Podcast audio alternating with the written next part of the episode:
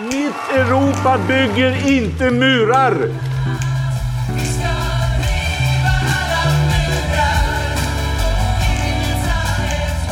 Syftet med de åtgärder som vi nu presenterar är att skapa ett andrum för svenskt flyktingmottagande. Mycket av det som regeringen sa igår ställer oss vi positiva till och vi tror också att en del av det kan dämpa trycket. Men vi är fortfarande oroliga för att det inte kommer att vara tillräckligt. Snälla, gör inte det här. Splittra inte familjer. Utsätt inte människor för ännu större risker.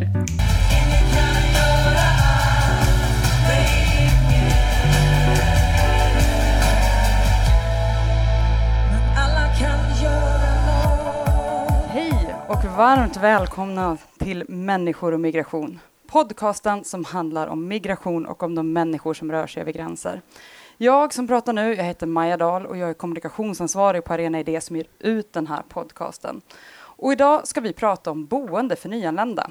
Förra året så sökte ju 162 877 personer asyl i Sverige och fram till oktober i år har 24 719 personer sökt asyl.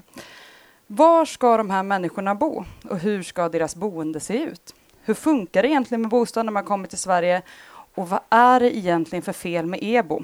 Ja, det är några av de frågor vi kommer diskutera i dagens avsnitt. Med mig här på scen har jag då som vanligt för att besvara de här frågorna Arena Idés utredningschef, statsvetaren Lisa Pelling. Hej. Hej. Och Johan Engström som är bostadspolitisk sakkunnig för Hyresgästföreningen Göteborg. Välkommen! Tack. Ju, vad kul. Och nu för er som lyssnar eh, på det här i efterhand så spelar vi alltså in det här live på scen på Arena Första Lång i Göteborg som är Hyresgästföreningens eh, mötesplats. Och det är därför jag pratar om en scen, för vi står faktiskt på en scen och vi har en fantastisk fin publik här framför oss. Så hör ni några konstiga ljud i bakgrunden så är det människor som lyssnar. Eh, som jag sa inledningsvis så har det ju fram till och med oktober i år varit 24 719 människor som har sökt asyl i Sverige. Men vad händer när man kommer hit och hur, hur börjar liksom bostadssituationen och hur får man boende när man kommer till Sverige? Lisa, kan du guida oss igenom processen? Mm.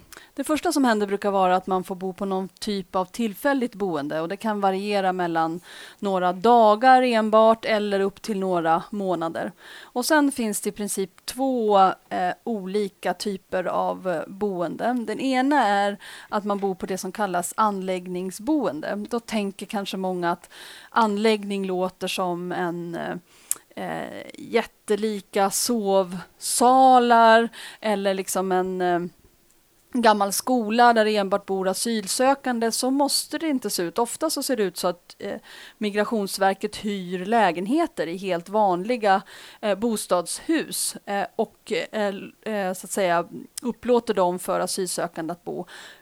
Med prioritering för familjer får ofta bo i, i lägenheter och i egna lägenheter är man ensamstående så delar man lägenhet eller i vissa fall, men det är ganska sällsynt, så bor man i sovsalar. Många av de här som sagt är helt vanliga bostadshus ibland och särskilt när det förra året kom väldigt många asylsökande under en ganska kort tid så var Migrationsverket tvungna att också hyra in sig i stugbyar, på nedlagda vandrarhem, på folkhögskolor och den typen av, av eh, boenden. Och sen finns det en annan eh, möjlighet att bo och det är helt enkelt att man väljer att bo med släktingar eller anhöriga eller vänner. Och det är det som kallas eget boende. Då bor man helt enkelt inneboende hos personer som man känner. Tidigare, för ganska många år sedan, så fanns det en idé om att det vore bättre att leva på det sättet. Bo hemma hos släktingar eller vänner. Det fanns till och med en liten uppmuntran de asylsökande som valde att bo på det sättet istället för att bo på Migrationsverkets anläggningsboende fick en liten peng för att eh, hjälpa den familj man bodde hos med hyran. Det är avskaffat numera så att den som väljer att bo så får inte med sig något stöd till hyran utan man har samma dagsersättning som de personer som bor på Migrationsverkets anläggningsboende och det är väldigt, väldigt lite pengar. Mm. Och när vi då pratar om eget boende eller EBO så lyfts det ganska mycket kritik gentemot eh, EBO. Vad är varför är det så kritiserat? Ja, ett stort problem med EBO är ju att eh, människor som kommer och bor hos vänner eller släktingar eller anhöriga ofta bor där, an, där de här släktingarna är ofta relativt nyanlända själva. De kanske inte har varit särskilt många år i Sverige, har kanske inte riktigt fått något fotfäste på arbetsmarknaden än, bor ofta ganska segregerat, så man bor i bostadsområden där det redan bor ganska många nyanlända. Ett klassiskt exempel är Södertälje som eh, är ett, ett, eh, en kommun där, som har tagit emot väldigt många nyanlända under en lång följd av år och där man uppmäter svåra problem med trångboddhet. Så människor bor väldigt många i små lägenheter. Det är så att när man går på gatan så ser man hur madrasser är staplade innanför fönstren för att människor bor på, på golvet i våningssängar. Eh, och det blir trångbott och det blir också så att de skolor som ligger i de områdena ständigt får nya barn som är asylsökande som kommer till de här.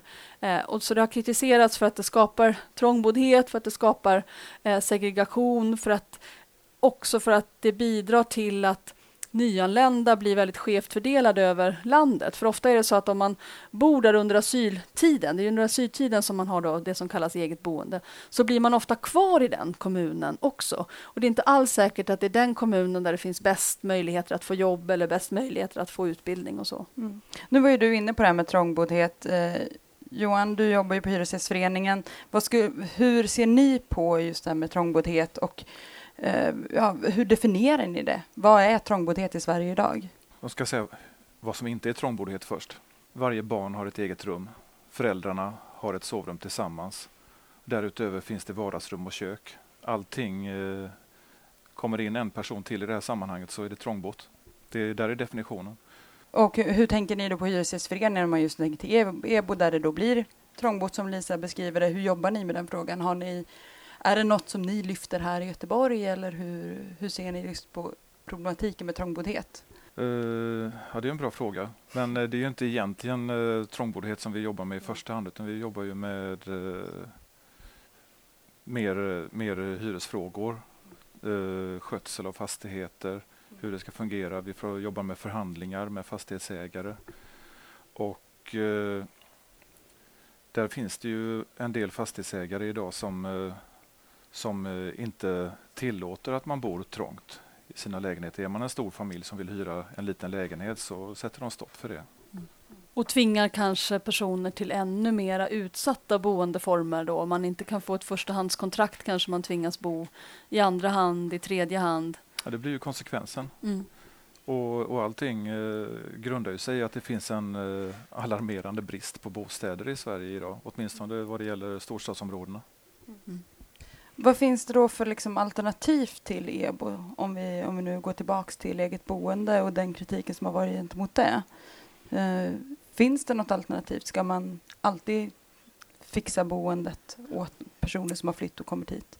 Så det är lätt om man gör en enkät bland kommunpolitiker som Dagens Samhälle gjorde för några månader sedan till exempel så Eh, och nästan oavsett från vilken partifärg man frågar så säger alla att det finns jättestora problem med eget boende. Det bidrar till segregation, till en skev fördelning av asylsökande.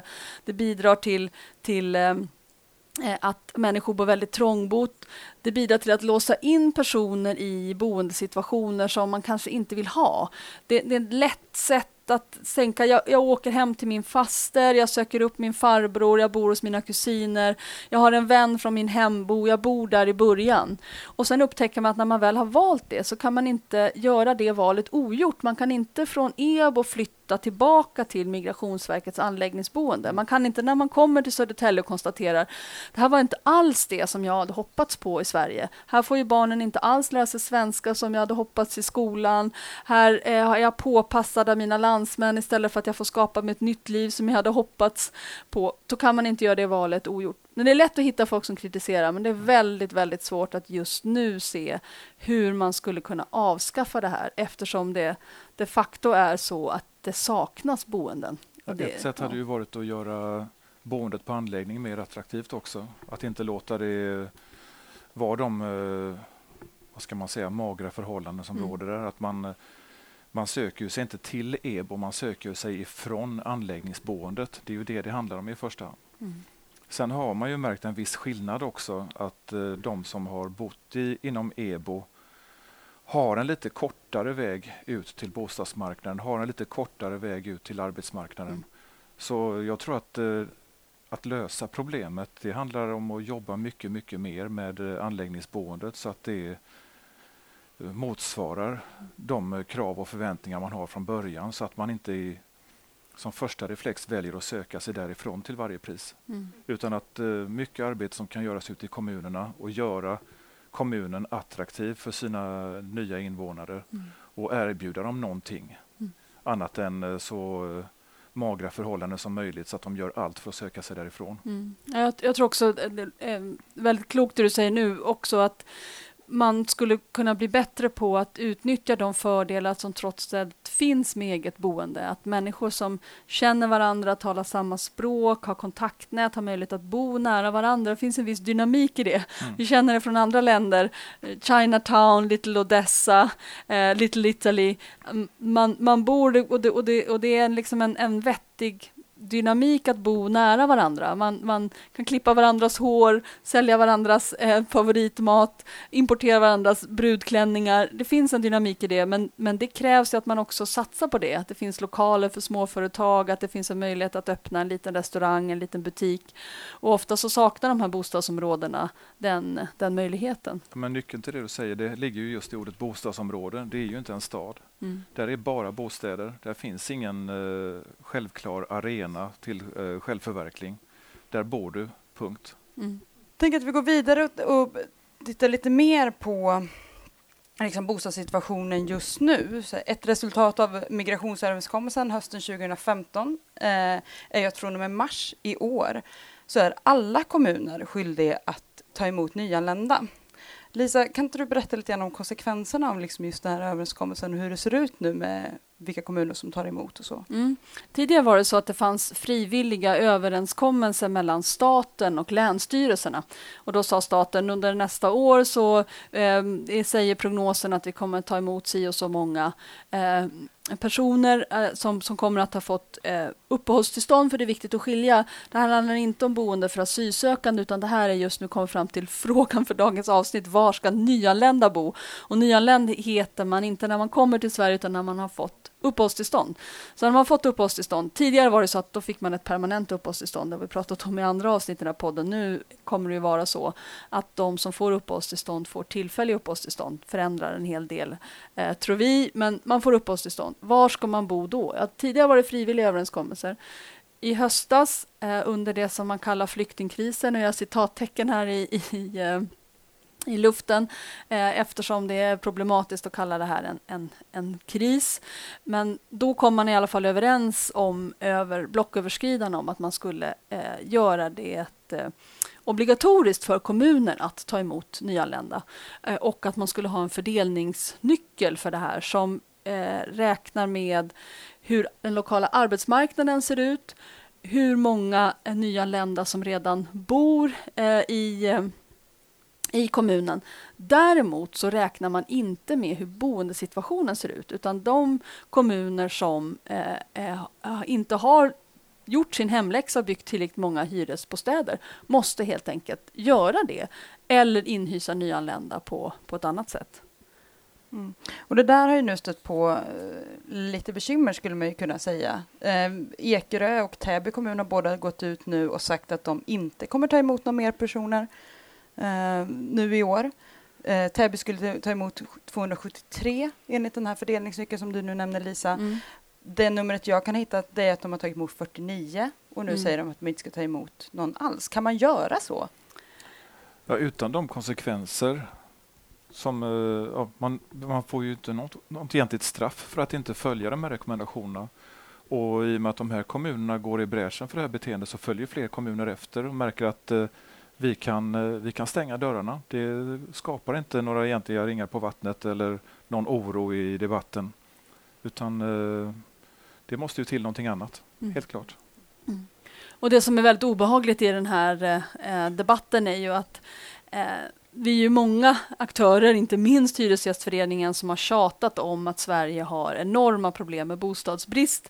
Att man borde bygga mycket mer, att man borde bygga mer för studenter, att man borde bygga mer för ungdomar som flyttar hemifrån, att bygga mer för pensionärer som vill byta typ av, av boende. Eh, och så nu, när det kommer människor som behöver skydd i Sverige, då skyller man på flyktingar och säger att det är de som gör att vi har för lite boende. Eh, och det är ju verkligen inte det som är problemet, utan problemet är att man under en lång följd av år har byggt alldeles för lite. Ja, det är en smutsig politik, Mm. rätt igenom. Eh, vi hade ju en bostadsbrist som var alarmerande långt innan eh, det som kallas för flyktingkrisen. Men, Men- kan, ja, men kan, man, eh, kan man på något sätt säga att man har tänkt fel från första början? Att man borde ha tagit med bostadssituationen i de olika kommunerna i fördelningsnyckeln? Är det där problemet ligger? Eh, nej, det tycker jag absolut inte. Utan det, det här handlar ju om kommuner som Ekerö, som Täby, typexempel på kommuner som har en fantastisk arbetsmarknad, som är extremt rika kommuner, som har tagit emot väldigt få nyanlända, som har tagit emot nästan inga asylsökande alls, som inte har gjort sin hemläxa, som istället för att bygga hyresrätter har privatiserat, sålt ut de hyresrätter som de hade de, de får faktiskt ta sitt ansvar nu och det handlar om några få hundra. Det handlar om att inte att de ska smälla upp nya bostadsområden utan några få hundra. Det, det är deras förbannade ansvar. Ursäkta, jag vet inte om man får svära den här podden. Men vi, har ju, vi har ju en, eh, en regering och en riksdag som har bestämt att så här gör vi i det här landet och de gör inte det. Mm. Jag, jag tycker också att det är intressant och den här lagen har ju också motiverats med att vi ska göra på samma sätt som Sverige vill att vi ska göra på europeisk nivå. Och det tycker jag är väldigt intressant. Man, men Sverige säger att fler länder i Europa måste ta ansvar för att ta emot människor på flykt som behöver skydd i vår kontinent, på vår kontinent. Och, och då måste vi dela på det ansvaret. Och det är, när vi säger det så måste vi såklart tillämpa samma princip i vårt eget land och säga här måste alla kommuner ta sitt ansvar.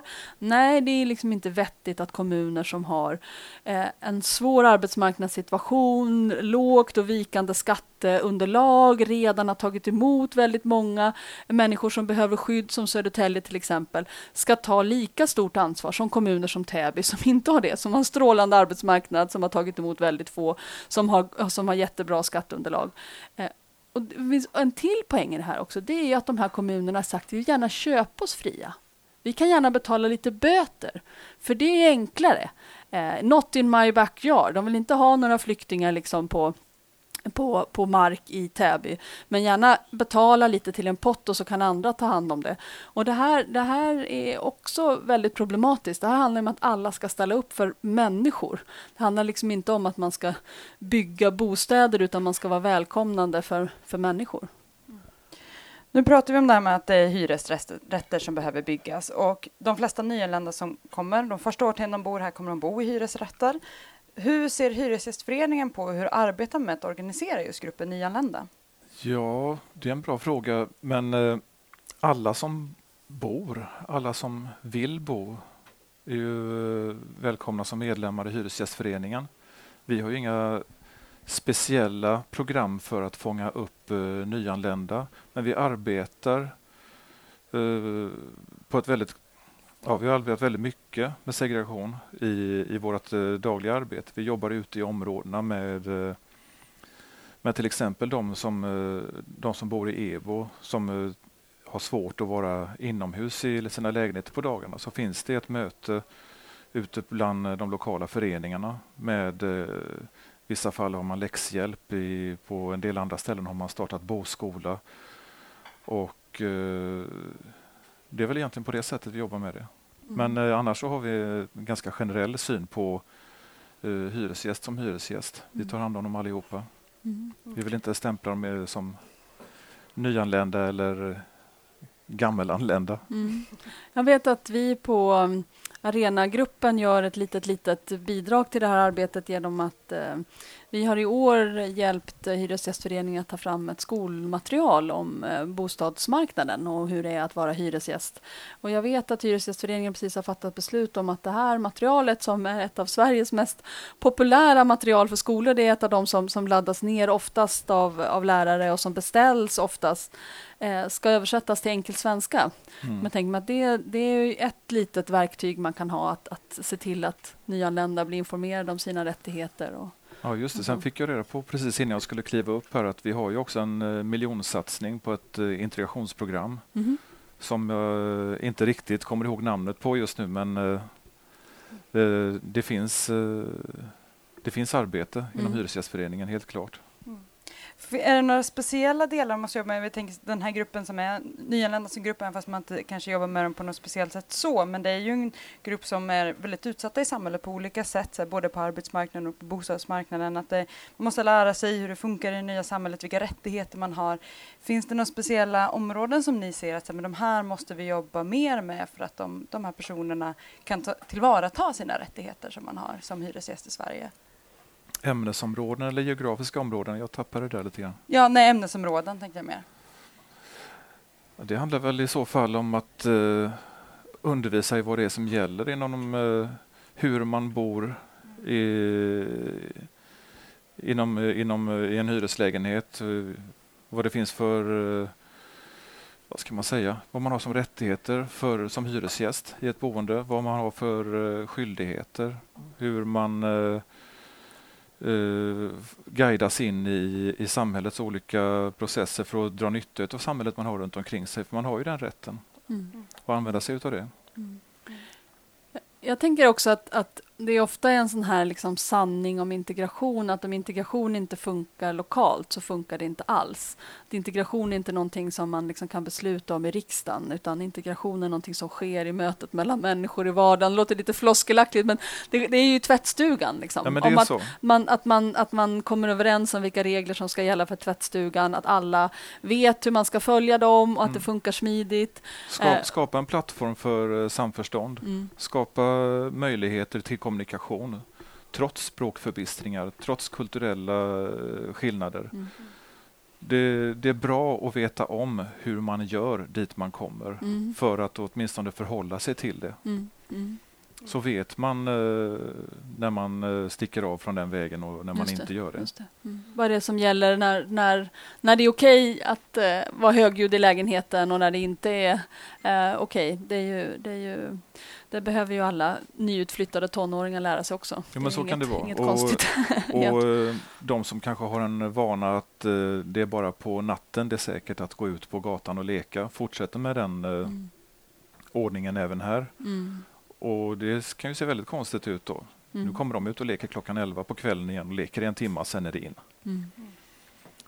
Och, det, och det, orsaken till det kan man ju bara spekulera i. Är mm. det så att de uh, inomhus i skift för att de bor så trångt? Mm. Är det Mm. Man är van vid att det är för varmt mitt på dagen helt enkelt. Jag vet man, inte. Man, det, det, kan vi, det kan vi bara spekulera i mm. vad, vad de här skillnaderna är. Men det finns ju så otroligt mycket som, eh, där vi som eh, boende i hyresrätter har exakt samma behov oavsett var vi kommer ifrån egentligen. Det är egentligen eh, de små skillnaderna som vi hakar upp oss på hela tiden och det är väl tråkigt. Det är inte integration det, utan det är ju något annat. Mm. Vi har varit inne på det lite grann tidigare, men att vi har en allt större bostadsbrist runt om i Sverige eh, och att nu när det har kommit så mycket människor som det kom till Sverige förra året så gör ju det att det blir en ännu större bostadsbrist och det är områden som tidigare inte haft bostadsbrist som helt plötsligt börjar få det. Eh, och nu måste man egentligen börja tänka om lite grann och bygga ännu mera nytt. Är det något speciellt man bör tänka på när man planerar bostadsbyggande för eh, nyanlända? Mm. Ja, jag tänker lite grann som, som eh, jag sa tidigare att det finns en viss eh, det finns en potential i att människor som talar samma språk, delar kontakter, delar intressen, eh, kan, kan leva nära varandra. Men då måste det eh, till lokaler för sånt. Och det kan handla om butikslokaler, kan handla om samlingslokaler, kan handla om, om lokaler för olika typer av liksom små eh, företag. Eh, så, så där måste man liksom planera in i, i bostadsområden att det, att det finns den typen av samlingslokaler. Men sen är det det här som, som gäller för alla som, som eh, vill etablera sig på arbetsmarknaden. Det är det som är integration för alla. Alla som går ut gymnasiet, alla som går ut eh, högskolan, alla som behöver byta jobb någon gång under livet. är att man har liksom tillgång till arbetsmarknaden som det heter. Det kan ju vara något så simpelt som att bussen finns. Att mm. det finns liksom att man har möjlighet att ta sig till jobbet i rimlig tid för att hinna hämta barnen på, på förskolan sen. Eh, så att bostadsområden som planeras med, med möjlighet för låginkomsttagare att, att använda kollektivtrafik, eh, mm. ta service på någorlunda nära håll. Ja, Jag tänker att eh, det korta svaret på den frågan hade varit nej, absolut inte utan vi ska bygga bostäder som funkar för alla. Vi ska, mm. vi ska ha med oss de här nya svenskarna i, i åtanke när vi bygger bostäder. Så vi ska bygga för nyligen eh, ensamma pensionärer. Vi ska bygga för eh, de som vill komma igång och starta en familj, de som vill kunna flytta hemifrån. De som eh, vill, är i behov av ett generationsboende där de är flera i familjen än vad, än vad vi är vana vid. Så vi måste ha en, en, större bredd på vad vi bygger. Vi kanske måste bygga mer flexibelt än vad vi har gjort hittills. Kanske ska man kunna knoppa av en eh, minibostad från sin stora lägenhet. Kanske finns det ett annat sätt att tänka bostad på i framtiden. Men hyresrätten är i sig själv en väldigt flexibel boendeform och eh, jag tror inte vi har sett slutet på den utvecklingen ännu. Hyresrätten tror vi kan utvecklas eh, ordentligt mm. framöver, speciellt inför det här jättebehovet med att mm. försörja marknaden med fler bostäder. Mm. Jag tänker också att det sker en hel del eh, spännande. Till exempel så är det flera kommuner som har eh, uppmuntrat privatpersoner att hyra ut till eh, nyanlända. Och det man har gjort är att man alltså att säga, eh, privatpersoner kan känna sig oroliga för att om man hyr ut, dels att man får in den hyra som man behöver, dels att om man inte kan fortsätta hyra ut. Säger man hyr ut eh, ett rum i källaren för att man har ett barn som är utbytesstudent mm. och så kommer tonåringen tillbaka och vill bo i rummet igen. Eh, står man där då med en flyktingfamilj mm. som inte har någon annanstans att bo, då kan man kanske inte liksom upplever att man vräker dem, då tar, har kommunen sagt att tar man över ansvaret för det och det är kommunen som tecknar kontraktet och så, och så låter man eh, asylsökande eh, och nyanlända bo i den typen av kontrakt. Det är jättesmart. I Uppsala bland annat, som är min hemstad, så har man ett sådant projekt mm. som man kallar Hjärterum som verkar ha gett eh, bra resultat. Vi har ett annat projekt eh, i Göteborg tillsammans med Boplats Göteborg mm. där Hyresgästföreningen är med i det samarbetet. Där handlar det om att få privatpersoner att se den eh, ekonomiska och sociala vinsten med att hyra ut. Och eh, där går inte kommunen in som en garant emellan. Mm. För det är ohållbart egentligen. Mm.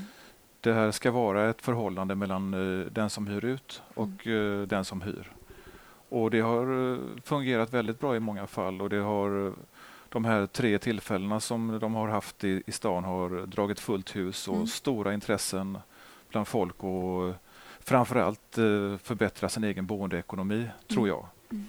För det är ju så här med, med Sverige att vi har många stora hus, många villor där folk kanske bor själva eller väldigt få personer, utflugna barn, änkor, änklingar, vad det nu kan vara. Där alternativet är att lämna sin eh, plats där man har bott väldigt länge och försöka hitta en hyresrätt i samma område för att inte behöva byta miljö helt och hållet, vilket kan vara ganska förödande för en äldre människa. Det kan eh, snabbstarta demens och allt möjligt, mm. har jag hört. Mm. Men, eh, men där, där, finns ju då den möjligheten att eh, bo kvar genom att eh, till exempel ge rum åt, eh, åt andra människor i sin egen bostad. Men det är också det här att, eh, att bo kvar det handlar också om att blanda upplåtelseformerna, att man går in i de här kraftigt segregerade områdena där det bara bor människor i villa med god ekonomi och bygga andra upplåtelseformer, bygga hyresrätter i de klassiska villaområdena och få fler möten för att visa att det går alldeles utmärkt att träffa folk från andra länder, från andra sidan jorden och, och ha givande utbyte i vardagen. Mm. Särskilt i Täby, men i Täby lär det vara slut Ja, på fysisk plats, säger Mm. kommunalrådet där. Jag vet inte om ni någonsin har sett en karta över Täby. Det är knappast Sveriges mest tättbyggda kommun. Det finns gott om mark där.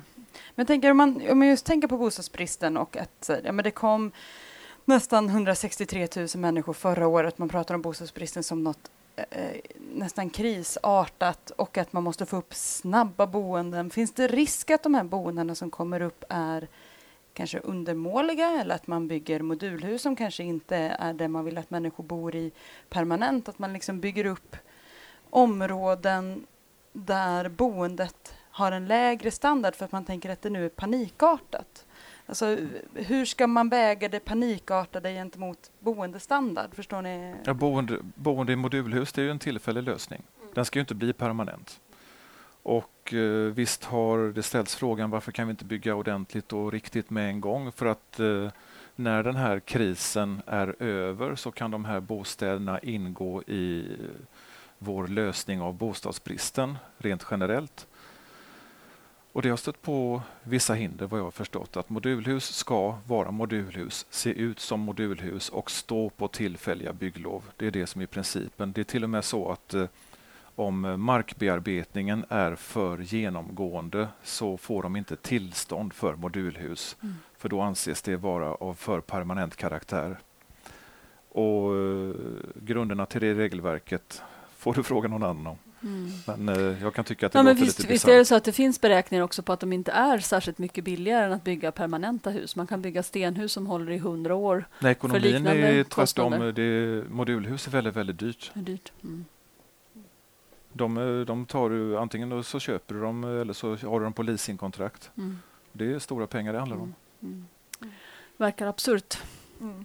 En annan aspekt då som, som vi bör diskutera det är ju att man nu ser mycket i samhället att vi har hyresområden som under lång tid har varit förbisedda. Som man ser att ja, men lägenhetsstandarden har sjunkit ganska stort och att man är i stor behov av renoveringar. Under de här renoveringarna gör att man då också måste höja hyrorna Mm. och helt plötsligt har människor inte råd att bo kvar. Och de här lägenheterna gäller inte sällan i områden med människor med låg inkomst och eh, där människor har flytt till Sverige och bosatt sig i de här områdena.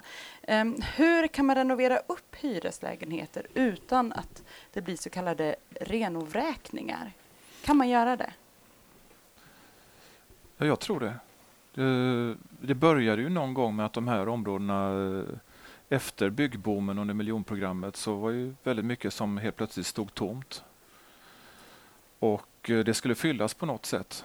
Och man fyllde dem eh, Eh, med hjälp av eh, med hjälp av kommunernas fördelning. De placerade ut folk som eh, hade svag ekonomi eller var beroende av bidrag eller någonting och blev mycket kommunkontrakt. Så att de fylldes ju på med ännu fler svaga individer som inte hade så mycket att säga till om i samhället.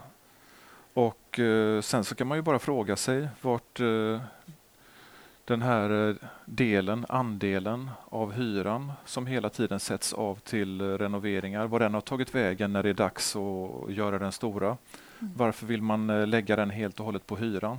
Mm. Var har ursprungspengarna tagit vägen? Mm. I vilka affärer har de försvunnit? Mm. Och det är en fråga som gäller både privatvärdar och allmännytta i en del fall också. Och så måste man ju verkligen fråga sig varför i hela friden ska vi subventionera med rotavdrag renoveringar av redan tipptopp renoverade badrum, kök, lägenheter och trissa upp liksom priset på hantverkare och på byggnadsarbetare och inte ge samma, åtminstone samma möjlighet till skatteavdrag för eh, renoveringar av, av hyresrätter. Det är för mig helt obegripligt hur man i det här läget kan göra det. En, en sak är liksom, Mm. det finns ett värde att ge rotavdrag om det är så att det är gigantisk Ja. arbetslöshet bland byggnadsarbetare, men det är verkligen inte fallet. Nej, har, har, du, har du pengar så är det billigaste sättet att bo på det är egen villa. Det är så det är. Många i Sverige bor i egen villa. Det är lätt att forma Sveriges politik efter de som bor i egen villa. Och sen så kommer bostadsrätterna. Eh, Det finns eh, subventioneringar genom ränteavdrag och genom rotbidrag. Inget av de här subventioneringarna når hyresrätten på något sätt. Vi är helt och hållet osubventionerade. Det är inte så konstigt att det är dyrt att bo i hyresrätt. Mm. Och sen så som en, en, en klok man sa till mig idag att eh, eh det här med eh, hyresvärdar som kommer in och vill höja hyran vid en renovering. En renovering som kanske inte är önskad eller ens nödvändig utan den ska på något sätt finansiera ett takbyte, ett stambyte eller någonting liknande. Så sa han så här att det är som att du bor i villa och banken ringer till dig och säger att nu är det dags att du ska renovera och höja standarden. Så att, eh, så att du får betala mer pengar till oss. Mm. Det är lika absurt egentligen. Mm. För mm. hyresgäster bor i sina lägenheter, betalar väldigt mycket pengar för att bo där. Och De betalar in till eh, allmännyttiga och privata värdar. Och De är själva grunden för deras affär helt och hållet. Mm. Hyresgästen har i och med detta väldigt mycket att säga till om, anser jag. Nej, jag som har levt halva mitt vuxna liv i Wien undrar jag också lite grann varför man i Sverige alltid renoverar på så sätt att man renoverar badam, allt samtidigt. Stammar, fönster, tak, trapphus, wom. Så att det blir jättedyrt. Eh, istället för att som är min erfarenhet från kommunala hyreslägenheter i Wien. Man renoverar en lägenhet i taget i princip. Och man kan gå in på A-hyra och då är det diskbänk och en kokplatta i köket och avancera med tiden till D-hyra och då har man ett fullt utrustat kök med, med eh, diskmaskin och kylskåp och ett fullt utrustat badrum. Och den här liksom hyreshöjningen följer då med standardhöjningen men också det som är naturligt att man så att säga, får lite högre inkomst varje år som, som, som boende. Så ett mer pragmatiskt sätt att se på låg insteg, lite högre för de som sen kan, kan betala. Men, men det verkar som att vi inte mm. har den typen av flexibilitet alls. Jag, jag tror, inte, jag tror inte att eh... Nu vet jag inte vad det, om det var privata värdar eller kommunala värdar i Wien som du pratade om. Mm. Men eh, jag vet inte om det är en jättebra förebild för svenska allmännyttan att ta mm. efter heller. Eh, vi, vi, har ju värnat om en, en, en god bostad till rimlig hyra. Mm. Och, för alla, jag menar att alla ska ha samma goda standard när det gäller kök och badrum? Inte nödvändigtvis samma, men mm. det finns en lägsta nivå. Mm. Och eh, Sen går ju den att dra på mm. i flera omgångar för den som uh, har lust med det. Mm. I, I väldigt många fall. Man kan göra tillval och sådana saker. Det Det blir dags att runda av här. Eh, jag tänker slutligen lämna er, för att vi har varit inne lite grann på den här diskussionen att vi har en väldigt segregerad bostadsom, bostadsområden i Sverige. Eh, både vi har Täby och vi har andra områden som är, som är segregerade på olika sätt. Eh, så jag tänkte att ni skulle få, som så här, slutkläm få 10 miljoners frågan. Hur löser man utmaningen med de segregerade bostadsområdena? Johan, vill du börja? Det är samma mantra. Bygg mer. Bygg med rimliga hyror. Gör det möjligt för folk att, eh, att skapa en rörlighet från de här områdena till de här områdena. Gör inte att du fastnar i ett område för att du är begränsad eh, vad det gäller ekonomi eller andra sociala förutsättningar. Nu har ju eh, allmännyttan i stan här eh, sänkt inkomstkraven och kraven på eh, att man skulle ha si och så många gånger mer i inkomst än vad hyran var. Det kravet är borttaget idag. Och det ser vi som ett bra steg i processen. Men eh, det, det ska byggas mer och det ska byggas till rimliga hyror. Och Det ser inte vi som något konstigt. Det finns eh, många alternativ på marknaden som, där detta kan åstadkommas men man väljer andra vägar. Och Det kan bara tyda på att fastighetsägare oavsett eh, om de är privata eller i kommunal regi vill generera mer kapital, mer avkastning i sina projekt. Mm.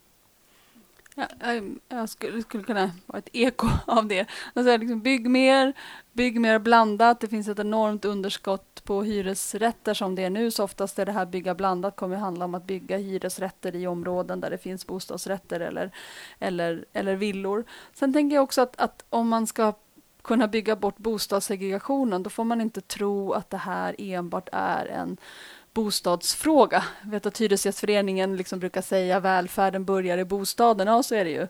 Men, men välfärden är så mycket mer än bostad. Man, man, man kan inte tänka sig att man bygger bostäder som att man smäller upp dem ute på ett fält och sen så finns det ingen buss, ingen skola, ingen samlingslokal, inget sammanhang. Men inte heller liksom bygga bostadsområden, måste bygga lokalsamhällen. Eh, och, och de måste ge förutsättningar för människor att leva jämlikt ha mm. vettiga jobb, ha välfungerande skolor, kunna röra sig tryggt eh, utomhus, eh, kunna liksom samlas med sina medmänniskor. Det är liksom mycket mm. större än att bara bygga fyra väggar och ett tak. Ja, ta tag i de här områdena som är utpräglade bostadsområden som egentligen är ganska artificiella områden på det sättet. Gör blandstad av dem. Mm. Lika mycket som du för in fler bostäder i stadskärnorna där vi har sovstad där det egentligen eh, står eh, tomma lokaler på, på, på nattetid.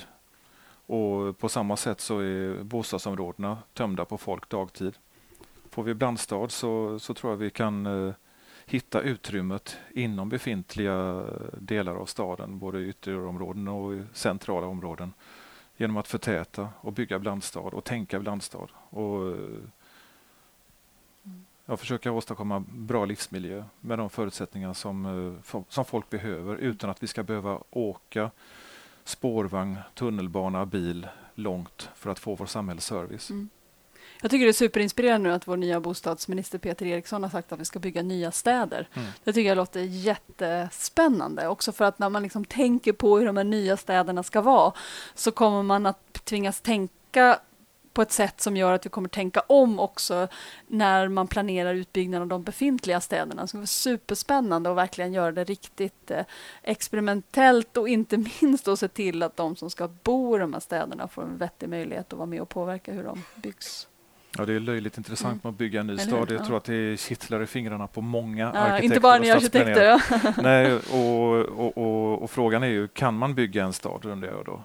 Kan man mm. göra det eller måste den växa fram organiskt? Mm. Uh, men visst. Mm. Och hur, jag, jag, jag, skapar man i så fall förutsättningar för nya städer att växa fram organiskt? Jag applåderar initiativet och är väldigt nyfiken på resultatet. Mm. Då har vi någonting att se fram emot helt enkelt. Men det får bli det sista som vi säger i dagens avsnitt. Tusen tack Lisa Pellin och Johan Engström för att ni tog er tid att prata de här frågorna med mig. Jag antar att vi kommer få anledning till att komma tillbaka och prata bostäder för nyanlända i den här podden. Det är nog inte sista gången vi gör det. Om ni som lyssnar nu vill lyssna på någonting Arena Idé ger ut medan ni väntar på nästa avsnitt som kommer om två veckor så får ni gärna lyssna på vår syskonpodd Pengar och politik eller så kan ni lyssna på Arena Play där Arena Idé lägger upp inspelningar från våra seminarier. Har ni frågor eller kommentarer på dagens avsnitt så får ni jättegärna antingen twittra dem till oss på arenaidé eller skriva på vår Facebook-sida. Sök bara på människor och migration på Facebook så hittar ni oss där. Tusen tack för att just du har lyssnat och tack Lisa och Johan. Tack, tack så mycket. Tack.